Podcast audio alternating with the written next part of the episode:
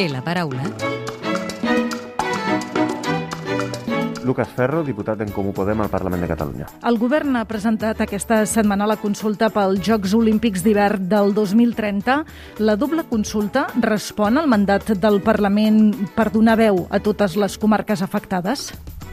Crec que és evident que el govern ha fet un nyap, i un nyap intencionat. Primer, designant comarques de primera i de segona divisió en aquesta consulta i després trencant el seu compromís de fer-la a la primavera i fer-la el 24 de juliol a veure si és possible desmobilitzar els ciutadans i ciutadanes del Pirineu. Però tot i així crec que és important que els ciutadans i les ciutadanes que viuen en les comarques emplaçades en aquesta consulta surtin, votin i defensin el seu territori. És conegut que en Comú Podem estar en contra que es facin aquests Jocs Olímpics d'hivern. Faran campanya pel no? Sí, farem campanya pel no, perquè considerem que és una mala decisió econòmica pel territori.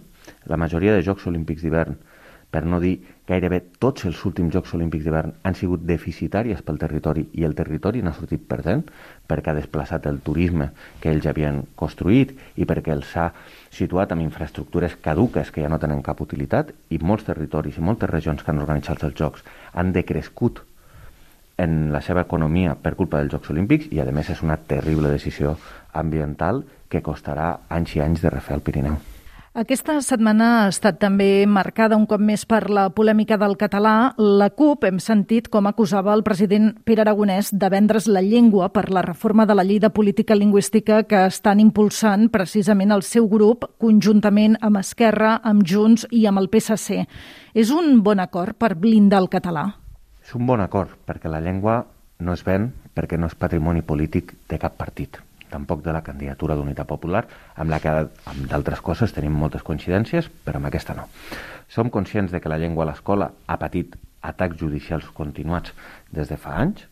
Som conscients que la nova llei d'educació permet defensar que el català sigui llengua vehicular i, per tant, el model d'escola catalana que hem construït sense percentatges i partint de la base de que el centre del català a l'escola ha de ser el projecte de cohesió social a través de l'aprenentatge del català i les eines pedagògiques de les que disposem, i aquesta és la nostra aposta, i és una aposta que ens permet refer un consens àmpliament erosionat durant aquests anys i és una bona notícia pel català i és una bona notícia per l'educació pública del nostre país. Junts per Catalunya es va despenjar de l'acord unes hores després d'haver-lo firmat i el manté congelat. Creu que finalment ratificarà aquest pacte i es podrà aprovar al Parlament? Crec que sí, és evident que Junts per Catalunya té una deriva tuitaire eh, considerable des de fa anys i que pren decisions mirant més al Twitter que a Catalunya, però crec que és evident que amb el tema de la llengua haurien de deixar Twitter durant 5 minuts, parar-se i reflexionar, i crec que és un bon acord per defensar el català i per defensar l'escola pública catalana. Permetran que les esmenes que introdueixi Junts eh, desvirtuïn el text inicial? Les valorarem, però creiem que el text ja garanteix que el català sigui llengua vehicular a l'escola, garanteix, evidentment, que els alumnes adquireixen competències en aranès i en castellà, i per tant entenem que és un model que el que fa és reconstruir el consens de l'escola catalana erosionat política i judicialment durant aquests anys i, per tant, les esmenes les valorarem, però entenem que el sentit de la reforma lingüística ha de ser el de preservar el model d'escola catalana. Parlem ara de la guerra d'Ucraïna, que ha alterat també totes les previsions econòmiques. El seu grup, que va facilitar precisament l'aprovació dels pressupostos de la Generalitat el desembre passat, s'ha assegut ja amb el govern per intentar modificar aquests comptes. Hem tingut reunions per estudiar un pla de xoc contra la guerra, en tindrem més, entenem que el govern ha de donar una resposta, si aquesta resposta passa per mobilitzar recursos extraordinaris o passa per modificar el pressupost, nosaltres estem oberts, sempre i quan partim de la base de que la guerra no le poden seguir pagant les classes populars i la majoria ciutadana en aquest país i que, per tant, hem de mobilitzar recursos. I l'eina jurídica que fem, si, si és una reforma dels pressupostos o si movem recursos extraordinaris, per nosaltres és un debat menor i estem oberts a plantejar-la de la forma que sigui. La setmana que ve el president aragonès es tornarà a reunir amb tots els grups parlamentaris per avaluar l'impacte econòmic i social que està tenint aquesta guerra. Eh, què tornaran a plantejar des del seu grup al president aragonès? Creiem que és important fonamentalment dues coses. Aquesta guerra està tenint un impacte important en carburants i en el preu de la llum. Crec que tots els ciutadans en són plenament conscients i, per tant, aquest de, aquest ser l'espai on esgotem totes les competències possibles per donar una resposta, intervenint sobre els beneficis de les elèctriques i mobilitzant recursos per baixar el transport públic. Ho ha dit l'alcaldessa de Barcelona, ho sostenim nosaltres també des del Parlament, es poden rebaixar les les targetes usuals del transport al 50% mentre duri aquest episodi i fer del transport públic l'eina que ens garanteixi el dret a la mobilitat durant aquests mesos on, on els carburants estan pels núvols.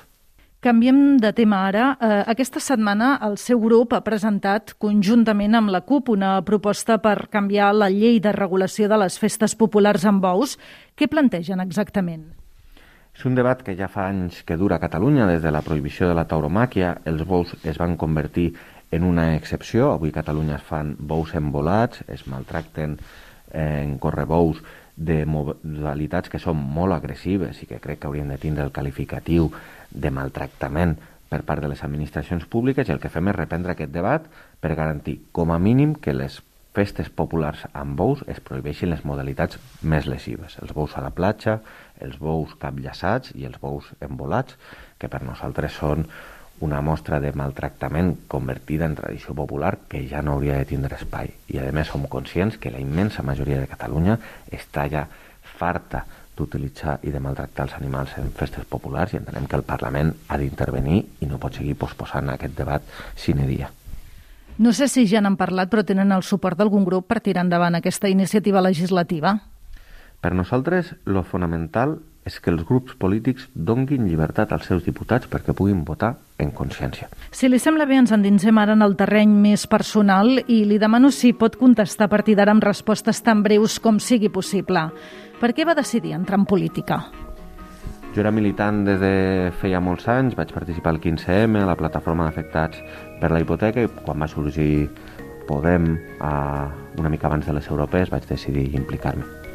Quin diputat o diputada, ideologia a banda, fitxaria per al seu grup? Mm, el Ruben Wagensberg. Està llegint algun llibre?